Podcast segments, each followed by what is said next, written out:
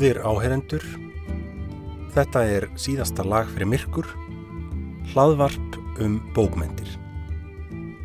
Ég heiti Hjalti Snær Ægjesson og er umsjónarmadur þáttarins.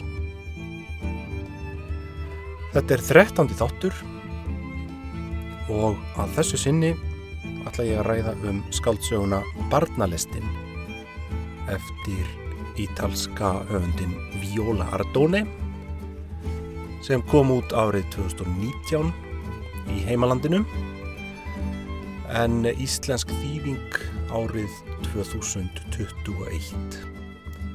Það er Halla Kjartansdóttir sem þýðir bókina. Barnalestin heitir á ítölsku Il Treno dei Bambini. Þannig að þetta er mjög nákvæm þýðing á titlinum og í þessari sögulegu skáldsögu er sagt frá kabla í sögu Ítalíu sem er um, kannski ekkit sérstaklega vel þekktur. Já, minnst okkosti er verið að lýsa hér sjónarhortni eh, sem er ekki vel þekkt. Þótt tímabilið séu þetta vel þekkt eh, sagan gerist um, að mestuleiti árið 1946 Þetta er sem sagt eftir stríðs ára frásögn. E, það er að segja að setni heimstyrjöldin er bara ný búinn og e, Ítalija er í sárum eftir stríðið, búin að tapa. E, fasista stjórnin er farin frá völdum og blasir við þetta mikla verkefni sem er að byggja landið upp aftur eftir stríð. Þetta eru atbörðir og tímabil sem við þekkjum vel úr ítalskum bókum og kvikmyndum. Þetta er, er það sem kallað er eh, nýraunsægið í uh, kvikmyndasögunni. Árin hann beint eftir stríð. Þetta er oft mjög nöturlegar frásagnir. Það er gríðarlega fátækt víðast hvar í landinu og lífskjörin eru mjög hörð. Lífsbaróttan erfið, náttúrulega misskipta eftir svæðum en í stórum dráttum er skiptingi þannig að Suður Ítalija er eh, munverri sett heldur en Norður Ítalija. E, svona Ítalija norðan við Róm. E, þá tekum við svona aðeins betri, aðeins betri skilirði. Þetta er náttúrulega bara eina af þessum stóru stærðum í sögu Ítalíu. Það er þessi skipting á milli norðurs og suðurs. Við erum auðvitað vön því að heyra sögur um þetta, um núningin á milli norðus og suðus og átök þarna milli. Það er uh, til dæmis eitt stæsta og aldamesta stjórnmálaaflið í ítalskri pólitík er þessi flokku sem heitir Lega Nord, eða Norður bandalæð, sem er um, stopnaður utanum þá hugssjón að Norður Ítalija eigi bara að vera sjálfstæð. Það er bara klippað í tvent skilja bara söður Ítalju eftir. Það gengur ekki að vera að borga endalast undir þetta lið, það verður að þau þurfa að björga sér sjálf, þetta er svona tótnin sem þetta byggir á. Eh, það er minna að tala um það uh, hvernig söðrið og norðrið hjálpuðust að uh, þarna á árunum eftir stríð það, en það er það sem við fjallaðum hér í barnalestinni. Þetta er frásögn um framtak sem átti sér stað á árunum 1945 til 1952 og á þessu tímabili eru flutt eh, eitthvað í kringu 70.000 börn með lestum eh, frá ímsum stöðum í söðrinu og yfir í norðrið. Þar segja þau eru flutt sko í fóstur, í tímabundi fóstur. Ekki varanlegt, þó að það hefur reyndar orðið raunin í einhvern tilugum En hugmyndi var sem sagt að leifa börnum í söðrinu að fá svona smá bætt lífskjör sem sagt hjálpa þeim aðeins áfram. Norður Ítalja var náttúrulega ekkit vel með hana samfélag á þessum árum en stóð mun sterkar heldur en Suður Ítalja. Þannig að hugmyndin með þessu framtæki var að rétta hjálpar hönd að eh, svona létta undir með fjölskyldum í Suðrinu.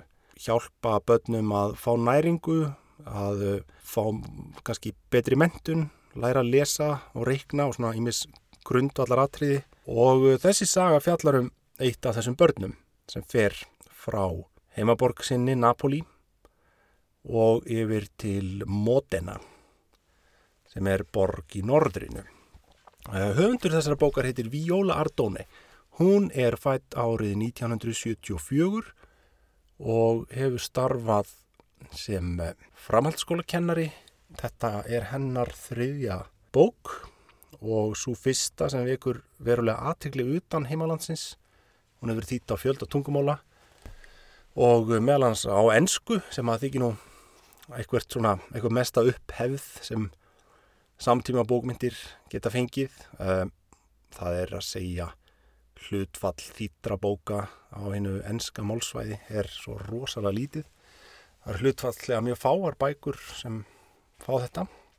Þessi bók er sem sagt hefur þýtt á ennsku. Þar segja hún hefur sleið í gegn. Hún hefur vakið aðtegli, eh, vakið fólk til umhugsunar um þetta framtak og þannig að kapla í sögu Ítalju.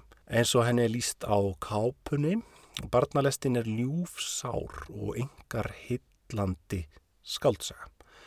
Ljúfsár þar segja að þetta er ekki, þetta er engin terror, þetta er ekki svona saga sem, sem allt er í volæði eða, eða hér er ekki verið að fjalla um hríkalega atbyrðið þótt fátektinn sem slík séu þetta hræðileg. En hér er fókuserað á heið ljúfa og góða kannski þó að lífið geti vissulega verið erfitt. Sagan fjallar um Amerigo sem er sjóra drengur og hann býr í sárrifátækt með móðusinni í Napoli og móður hans tekur uh, þátt í þessu þar sem hún skráir drengin í þetta verkefni og uh, um það er fjallað í, fjallað í byrjum bókarnar. Hann fer sem sagt fylgjirinni þarna, hún fer með hann á eitthvað skrifstofu uh, og svo fer hann, er hann skellt þarna upp í lest ásamt fjölda mörgum öðrum börnum og þau eru flutt í norðrið. Þetta gerist hans í raun og veru. Þetta, svona var þetta á þessu árabili og það var ekki Ítalska ríkið sem stóð fyrir þessu eh, en það var eh, ríkisvaldið afskaplega veiklað og eh, landið bara laskað eftir stríð. Það var verið að reysa allt úr rústum þannig að það voru svona grasróta samtök sem að stóðu fyrir þessu þau samtök sem að stóðu fyrir þessu lestar framtaki og þessum fluttningum barna voru annars vegar UDI sem að er skamstöðun fyrir Unione Donne in Italia. Þar segja Kvenfélagssamband Ítalíu eitthvað þess aftar eh, annars vegar.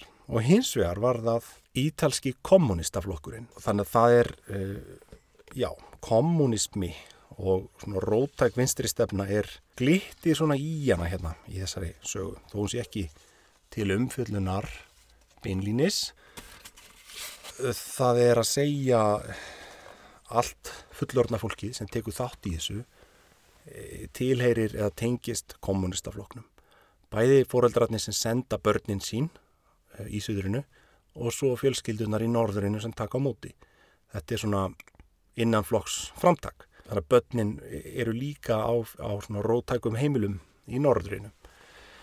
Nú þetta er áhugavert.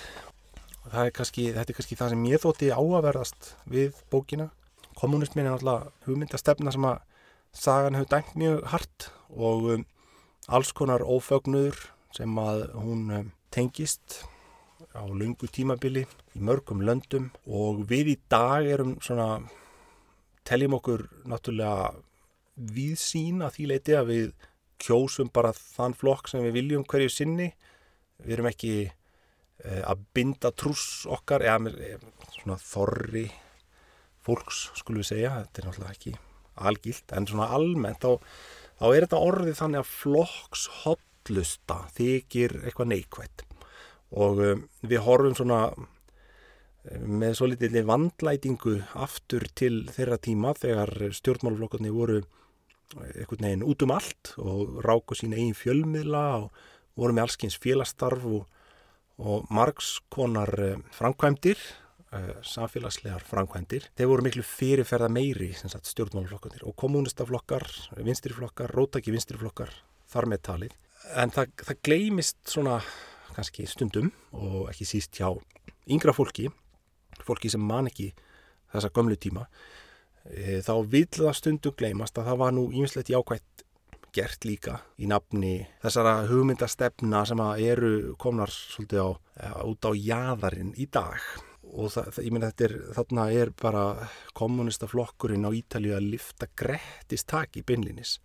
Þetta er ótrúlegt starf sem er unnið, eflaust mörgum lífum bjargað og uh, svona mikið liftistöng fyrir fátakt fólk í suðurinu.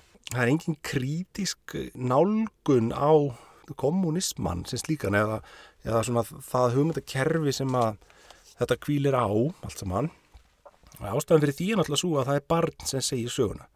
Og þetta er, já, að vísu sko fyrir hluti sögunar eða stærsti hluti sögunar gerist þarna á árunum 1946 til 1947 þetta er einhverjum Ameríko, er bara 7 ára og 8 ára. Og sagt frá þessu eina ári sem hann er þarna fyrir norðan og svo tímanum rétt eftir hann kemur heim. Og svo í lokakablanum víkur sögunni til ársins 1994 og þá er hann hvað, hann er þá tæpla hann er svona á 60 aldri, hann er tæpla 60 hann segir söguna sjónarhórni er hjá honum en það er samt ekki þannig að sögumadurinn hafi sjónarhórn hins fullorna eins og er nú algengt í svona frásögnum það er þetta nefna mörg dæmi ég nefni bara til að nefna eitthvað, ég geti nefnt Brekkugots annál eftir Haldur Lagsnes sem margi þekkja. Þar segja þar er sögumadurinn er barn og aðalpersonasögunar er barn en hann hefur svona segir þetta úr fjarlægð. Það er eins og hinn fullorni einstaklingur sé að skoða æskuna aftur í tíman. Þannig er það ekki í þessari sögu. Já, og jafnvel þótt uh, hinn fullorni Amríko komi aðna í lók sögunar. Sjónarhaldni og vittneskjan hverju sinni er algjörlega bundin við þann sögu tíma sem er í gangi í hverjum kabla og það er áhugavert og það er svona kannski bæði kostur og galli í þessari bók. Þetta er galli að þýleiti fannst mér að þetta er allt mjög einfalt svona til að byrja með og þegar ég las fyrstu kaplana í þessari bók, eða fyrstu síðunar þá svona, já, ég játa það að mér leist ekki alveg á blíkuna til að byrja með. Mér, mér fannst þetta svona líta svolítið út eins og bók sem væri skrifu til útflutnings um, og það er enda orðið raunin að bókinni þýtt út um allt og, og hérna, slæri gegn og, og ég hugsaði strax okkur, þetta er svona bók sem er greinlega, það er bara verið að dæla inn öllum þessum klísjum sko, um Ítalíu eftir stríðs árana og það er svona verið að kýtla einhvern áhuga hjá um, fólki uh, utan Ítalíu, einhverju svona Ítalíu áhuga fólki um það hvernig þessi dímar voru. Og mér fannst þetta svona ekki líta vel út til að byrja með. En svo vinnur hún á þegar líður á söguna og já svona kosturinn við þetta sjónrahotn tak, þessa takmörku vittneskjum er náttúrulega það er einhvers konar íróni það er ekki verið að tekja allt onni okkur. Við fáum bara að vita það sem drengurinn sér og upplifir. Og hann náttúrulega veit ekki mikið, ég meina hann er bara ungur hann er bara 7 ára og það er margt sem hann ekki skilur. Og sömt að því getum við lesendur náttúrulega skilið betur að því að við áttum okkur á því hvað er í gangi. Íminslega tengt mömmans til dæmis. Og mamma hans er kannski já, áhugaverðasta persóna bókarinnar held ég að megi segja. Sagan byrjar á því að þau eru á gangi og hún er að fara með hann þarna á skráningaskrifstofuna til að skrá hann sagt, í lest og uh, hann horfir á skó fólksins sem að þau ganga fram hjá. Uh, hún gengur alltaf á undan, uh, svona gengur hraður en hann og teimir hann eftir sér og hann þarf að hafa sig allan við. Littli drengurinn til að halda í við mömmu sína og hann er með hann leik í gangi, hann er að horfa á skó fólksins og gefa sjálfum sér stíg fyrir það hvernig skórnir eru. Hann fær eitt stíg ef skórnir eru heilir, hann fær mínustíg ef þeir eru slittnir, hann fær eh, aukastíg ef þeir eru glænýr og eitthvað svona. Þannig, og svona leikur hann sér með, með þetta að tellja skó. Það kemur strax fram í byrjun bókarinnar að Ameríkó á auðvelt með tölur. Bókstafinir aftur á móti eru að fara allir í flækju og hann á erfitt með að læra að lesa en tölur og reikningur er eitthvað sem liggur vel fyrir honum. Það er jafnvel uh, gefið í skín að hann sé lesblindur, maður geti ímynda sér það. En þetta er sem sagt svo mynd sem er dregin upp þannig í byrjun. Uh, það kemur kona við sögur sem heitir Maddalena. Maddalena Criscuolo. Hún er fullorðin kona og bara einhvern veginn á sama plani og allt hitt fullorðna fólkið að mista kosti með augum trengsins. En svo sjáum við það setna í bókinni að hún er þarna í upphafi ekki nema um tvítugt og þessi kona er að vinna hjá floknum, hjá kommunistafloknum hún er að skipulegja þessa fluttninga og heldur þarna eldræður og, og svona peppar fólk áfram og hvetur fóröldrana og aðstofar við framkvæmdina alla. Móðir Ameríkós hafði eignast annan dreng sem hitt Luigi og, og hann lést á Barts aldri. Hún hefði semst mist einn svon og er þarna með annan yngri svon. Um, nú í svona harneskjulegum heimi þá náttúrulega vakna spurningar um sambönd fóreldra og barna. Þessi kuldi mömmunar á sér kannski einhverja skýringar í því að uh, já þekkt að, að í, í þannig ástandi þar sem að barnadauði er mjög algengur og já kannski jafn mörg börn sem deyja með þau sem uh, lifa og komast á fullorins ár og ég vil fleiri sem deyja. Þannig að í slíku ástandi þá er kannski eðlilegt að móður ástinn sé tempruð. Man fær það strax á tilfinninguna að mamman hafi ákveðið það einhvern veginn innra með sér. Hún vil ekki tengjast honum of miklum böndum. Einfallega vegna þess að ef hann deyr þá ákvæmski þá auðveldara með að vinna úr sorginni ef til þess kemur. Þetta er svona einhvert varnar viðbrað í sálinni. Þetta er aldrei orða beinlínis en þetta er svona eina af þessum hugsunum sem að kannski dúka upp og það er bóðið upp á alls konar svona tólkanir og lestur. Uh, hann er föðulegs, drengurinn, pappas er hvergi sjáanlegur og hann fær þá sögu að hann hafi farið til Ameríku og við lesendur náttúrulega bara erum á sama plani á Ameríku og við veitum ekki neitt annað en það að hann hafi farið til Ameríku. Við göngum bara út frá því að það sé staðrind málsins. Það er jafnvel gefið í skín að hann geta aftur eftir að koma aftur. Nú, þegar lestarferðalagi þeirra hefjast þá eru eins og sögsagnir þarna á kreiki. Kommunistarnir eru ekki óumdildir í þessu þorpi, sem, eða þessu hverfi sem þau búa í. Það eru hér personur eins og Pakiokja sem er kona sem er þarna, kemur þarna við sögu, hún er konungsinni og hún er mikið á móti þessu öllu, vantrúð á þetta. Þetta er gömul kona og það uh, tekið fram á sig ófríð. Uh, hún svona hefur lifað sína bestu daga og var kannski í blóma lífsins fyrir fasista tíman hún er í þeim hópi fólks sem er algjörlega vantrúaður á þetta og um, telur að þetta sé bara eitthvað samsæri það sé bara standi til að fara bara með börnin í þrælkunarbúðir eða flytaðu til Rúslands eða hvaða nú er um, alls konar sögur á kreiki og náttúrulega þarna er Auschwitz tiltöla ný uppgötvað. Um, heimurinn er er sem sagt að átt að sjá öllu sem var í gangi þarna á árunum og undan. Þannig að þegar börnunum er skellt upp í lest þá er eðlilegt að margir séu uggandi um þetta. Og börnin sjálf náttúrulega heyra þessar sögur og eru sjálf mörg hver ákálega tauga trekt Lestarferð milli Napoli og Bologna e, tekur í dag svona kannski þrjáhallan klukkutíma en þarna tók hún 32 klukkutíma. Þannig að þetta er geysilega langt ferðalag e, fyrir börn sem hafa aldrei komið út fyrir hverfið sitt. Þetta er það sem blasir við í byrjun. Við fáum að kynnast börnum, það er Amerigo þessi og svo er Vinras sem heitir Tomasino og einn stúlka í viðbútt sem heitir Mariúcha. Það er svona þessi þrjú sem eru kannski kjarnin þarna í byrjum bókarnar. Þetta er svona vinahópur. Mariúcha er áhugaverð persóna, hún er dóttir skósmiðs og hún á fjóra bræður sem eru eldri en hún. Einhvern veginn e, virðist manni að það sé bara ekkit pláss fyrir hana í fjölskyldunni. Bræðuruna fjórir munu allir e, læra skósmíði þegar þeir fullornast það er bara það sem þeir, býður þeirra. Það er flóknara með Marjútsju hún svona passar ekki alveg inn í þetta samfélag og þessa fjölskyldu. Uh, og svo er það þrið, þriðja barnið Tomasino.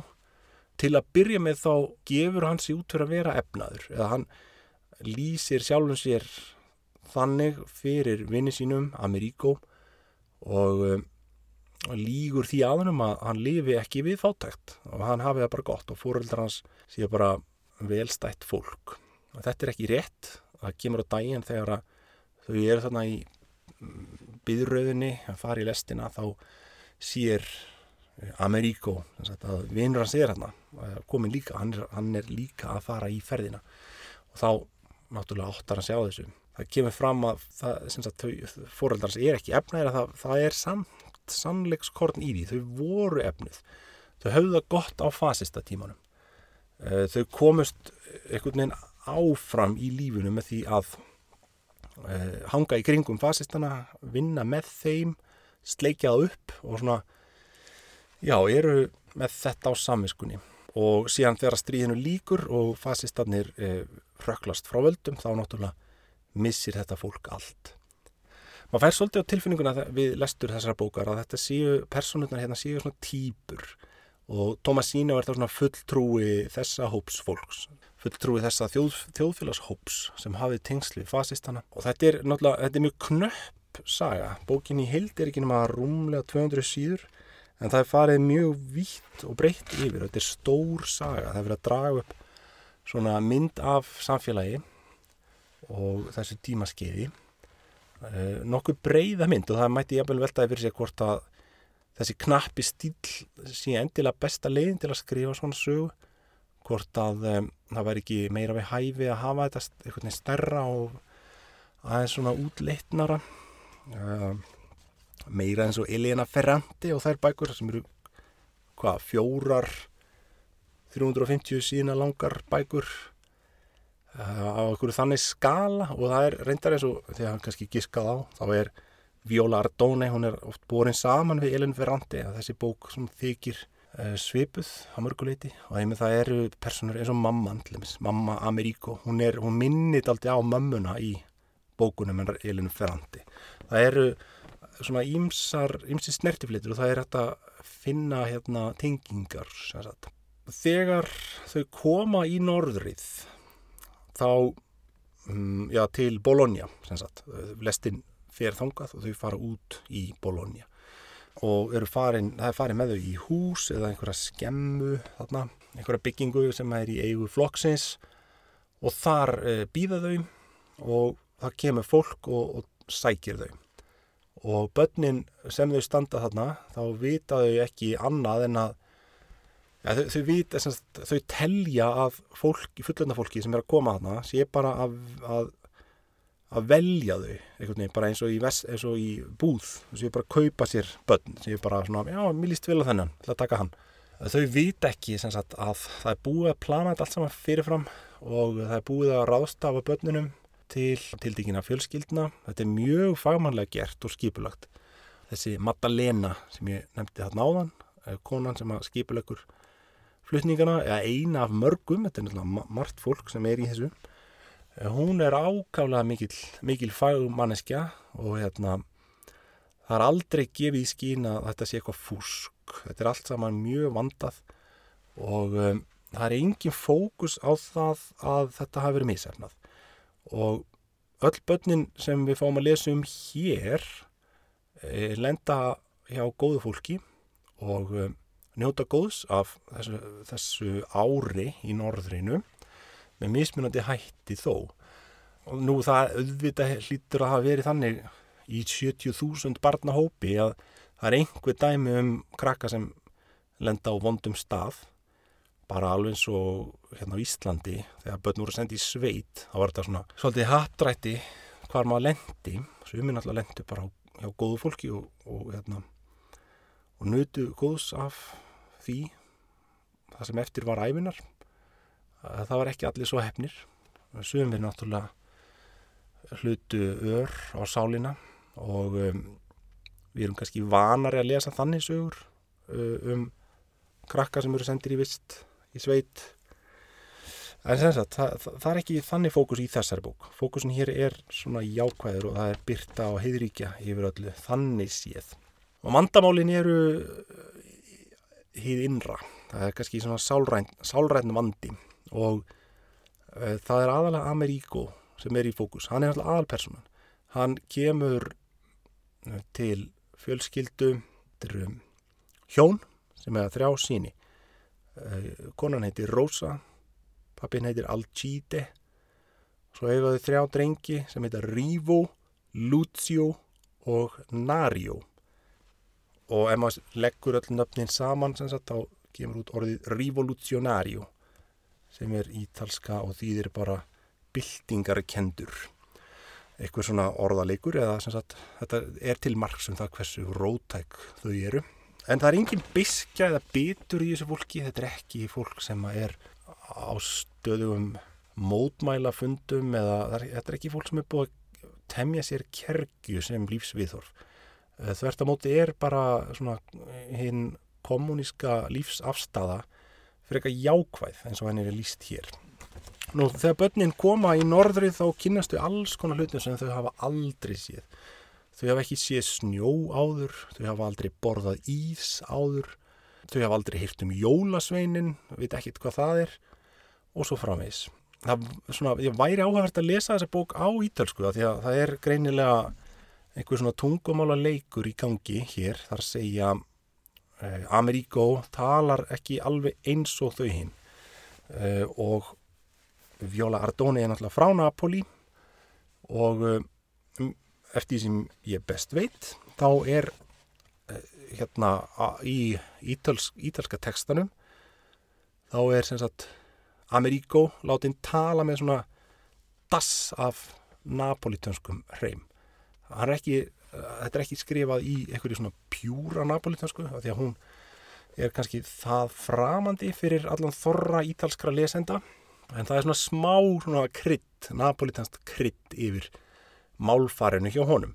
Og það kom upp senur þar sem hann er að velta fyrir sér orðum og til dæmis maturinn þarna í Modena heitir annað, annað það er svona önnur nöfn notuð yfir rétti sem að hann þekkir að heimann en bara kallar eitthvað annað þar.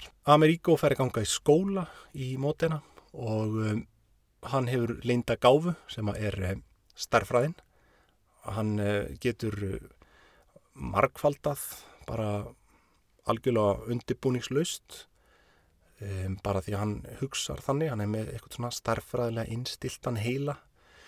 Nú síðan er um, er þarna senur líka sem sína mismunandi uppeldisaðferðir og það er náttúrulega barna uppeldi í mótina er miklu mannúðlegra og svona nútímalegra í þeim skilningi heldur en barna uppeldið í Napoli sem hann er vanur.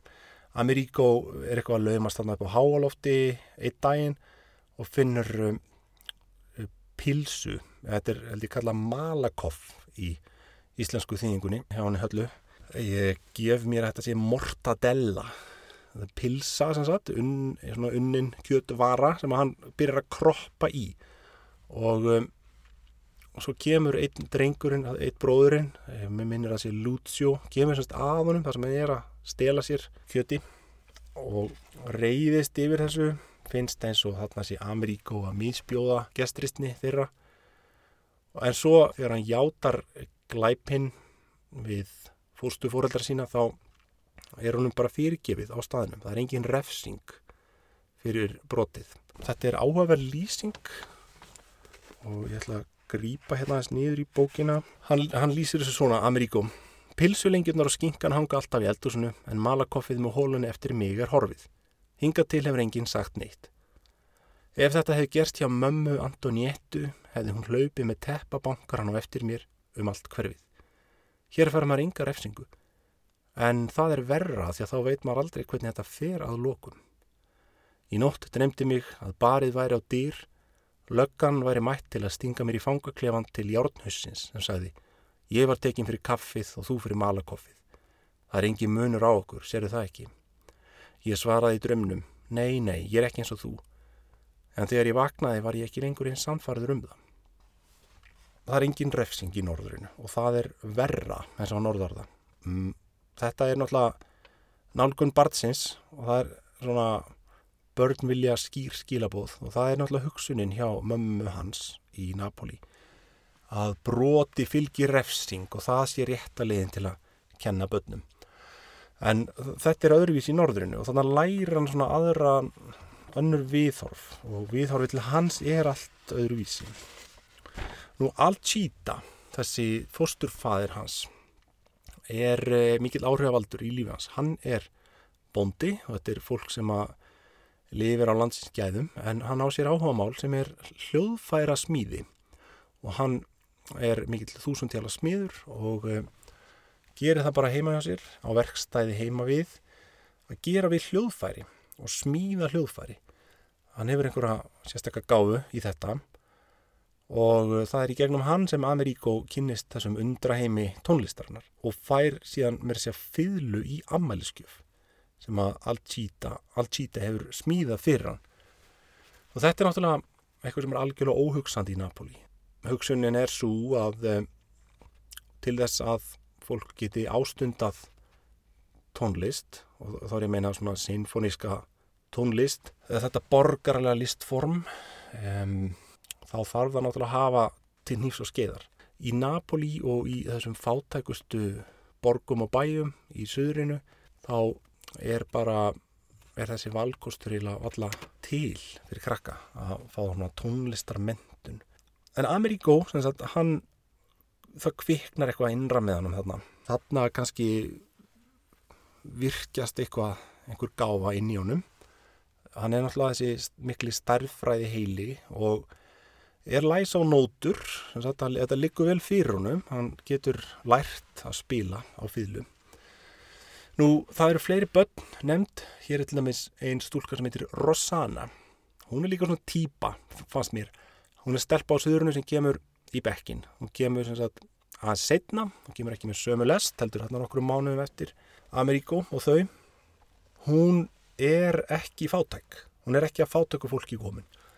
Fóreldrar hennar eru vel stæðir í Napoli en um, taka þátt í þessu framtaki með lestaflutningana bara svona til að sína gott fordæmi.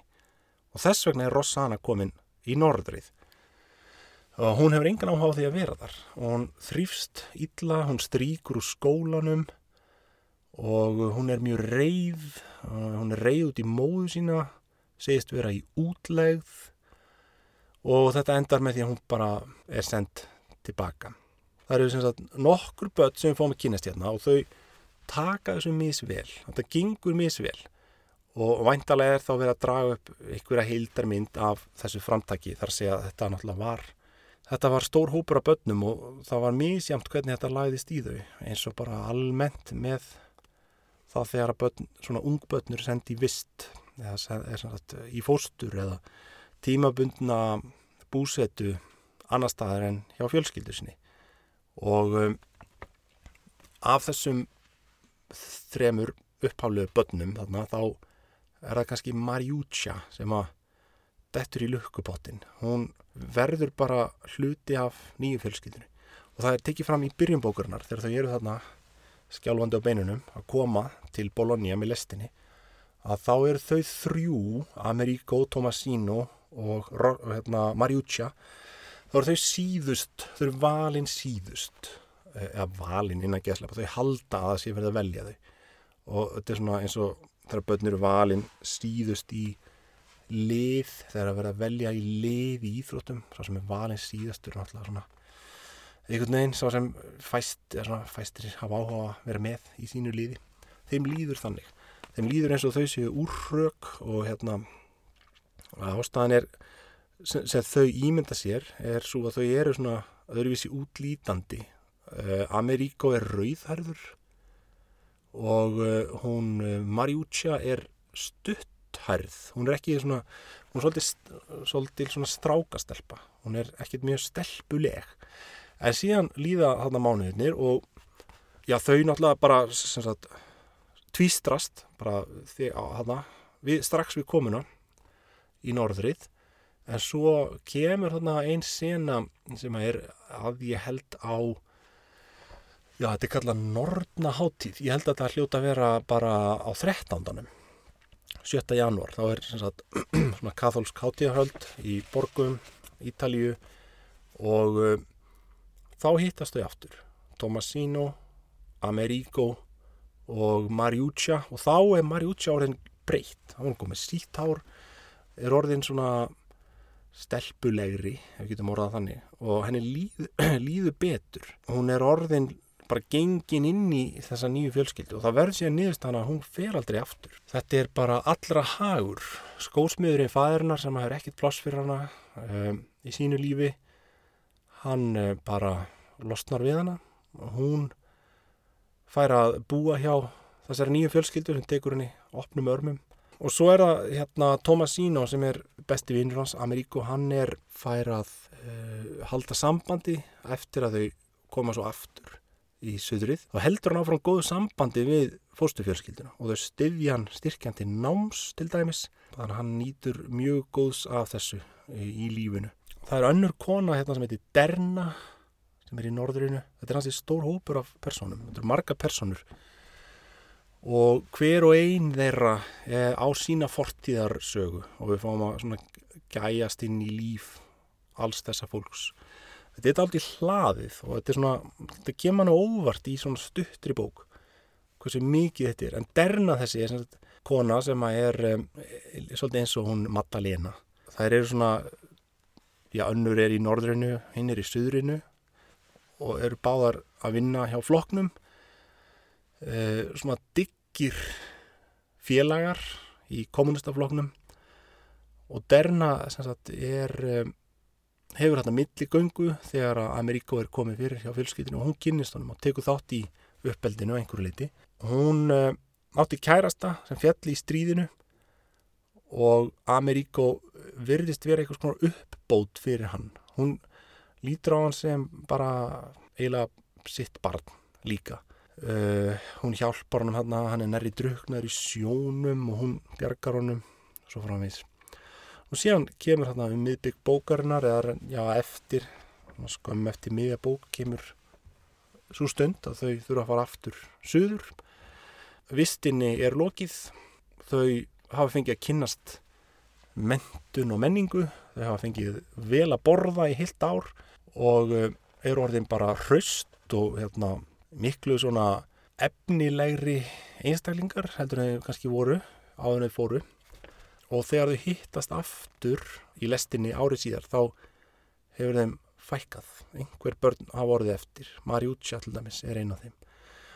Nú síðan byrjar sagan eða sko konfliktin byrjar eiginlega ekki fyrir nefti þetta eh, sem að er þá uh, í þriðja hluta. Bókin er fjóri hlutar og uh, í setni helmingi sem er aðeins stittri eins á fyrri þá kemur svona kannski áhugaverðjasti parturinn í bókinni.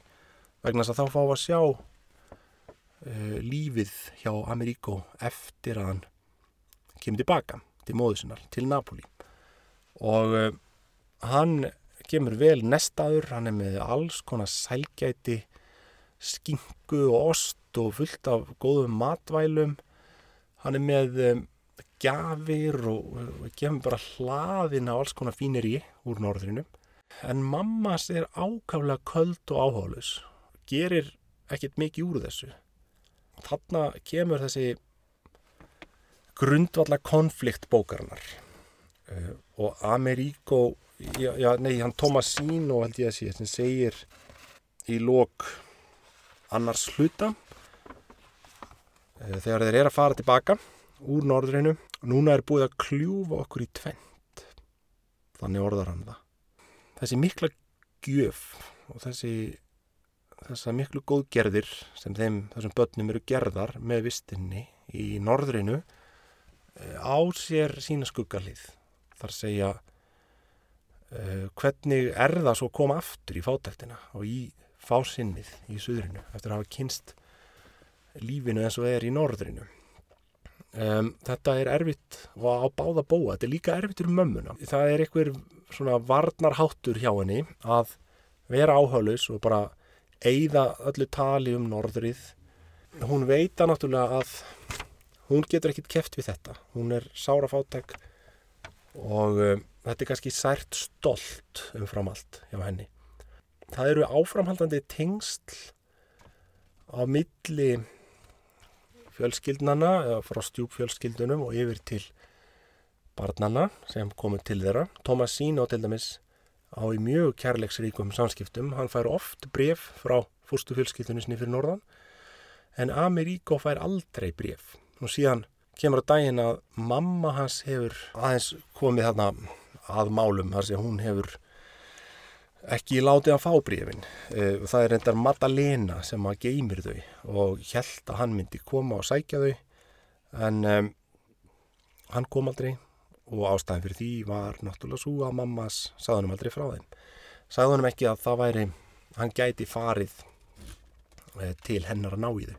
Þið skiljið hvað er að fara. Ég, um, ég vil nú ekki gefa kannski ómikið upp fyrir þá sem vilja lesa bókina og er ekki búinir að því uh, en uh, það er einhver útilókun. Sko mamma hans Ameríkó kann fyrir það fyrsta ekki að lesa og hún getur ekki lesið brefin sem koma. Ameríkó er búin að læra að lesa þegar hann kemur tilbaka og hann er orðin hluti af einhverju svona elítu í hennar augum kannski uh, hann er með þessa fýlu og henni mm, líst ekki vel á það. Fyrir rest þá uh, selur hún fýluna og þetta, það er svona kortni sem fyllir mælin hjá honum. Hann um, reyðist henni svo rosalega að hann stingur af og fer bara aftur í norðrið til fjölskyldunar sem hann bjó hjá. Þar líkur þriðja hluta og svo gerist fjörði hluti e, í nútíma, eða, já, 1994 þegar hann er orðin fullorinn maður og hann er fylguleikari, hann er sagt orðin heimsfrægur virtuós sem að spilar í frægustu og, og merkustu tónleika höllum heimsins. Og fjörði hlutin er þá svona sagan um það hvernig Ameríko þarf að vinna úr fortíð sinni hvernig það þarf að vinna úr þessum komplexum. Þetta fjallar um það e, þegar mammas deyr eða hún er sem sagt e, hún deyr og hann fer þá aftur til suður til þess að ganga frá málum um, fjörði hlutin er skrifaður á svolítið annan háteldur en hinn er þrýr hann er skrifaður í annari personu og Ameríkó ávarpar móðu sína. Nú annarar persónu frásögn er auðvitað ákála sjálfgæf í bókmyndum og þegar hún er nótuð þá veit maður að það er verið að ná fram einhverjum effekt, það er verið að reyna svona kannski aðgreina vekja lesandan og hérna er greinlega verið að aðgreina þá fjórðarlutan frá hínum. Hann er svolítið innilegri og persónlegri að þessu leiti og þetta er ávarp á stóru leiti til móðurinnar og um, hér er sagt frá því hvernig hann, hann er text að sættast og hvernig hann fyrir að því að sættast við móðu sína um það leiti sem hún yfirgefur þetta jarðlíf hér eru svo nýjar personur kynnta til sögu alveg fram á síðustu blaðsíðu líku við. Og við fáum að vita til dæmis að eftir að Ameríko fóra heimann þá eignaðist mamma hans nýtt barn. Um, hún eignast Agostino sem er þá bróðir eða halvbróðir eh, Ameríkó og eh, sá hefur eignast són sem heitir Carmine. Ameríkó sjálfur er barnlaus og hann er ekki fjölskyldumadur hann bara, hefur bara helgað sér listinni. Og eh, lifir líka þannig lífi hann er á stöðum ferðalögum bara vegna þess að hann er að spila á tónleikum. Og þetta gengur ekkert vel með fjölskyldurífi, eða myndi ekki gera það. Þess vegna hefur hann aldrei gifst. En það myndast einhvert samband á milli hans og bróður sonar hans sem er þessi Carmine staðrændin er svo að, að færa, eða fóröldar hans báðir eru greinlega komin í einhverja óreglu og uh, með því að fóstra eða stifja þennan bróður son sinn þá eigir Ameríkó einhvert tækifæri á því að bæta fyrir uh, vanrækslu sína uh, sambandsleysið við móðurna og heimahagana.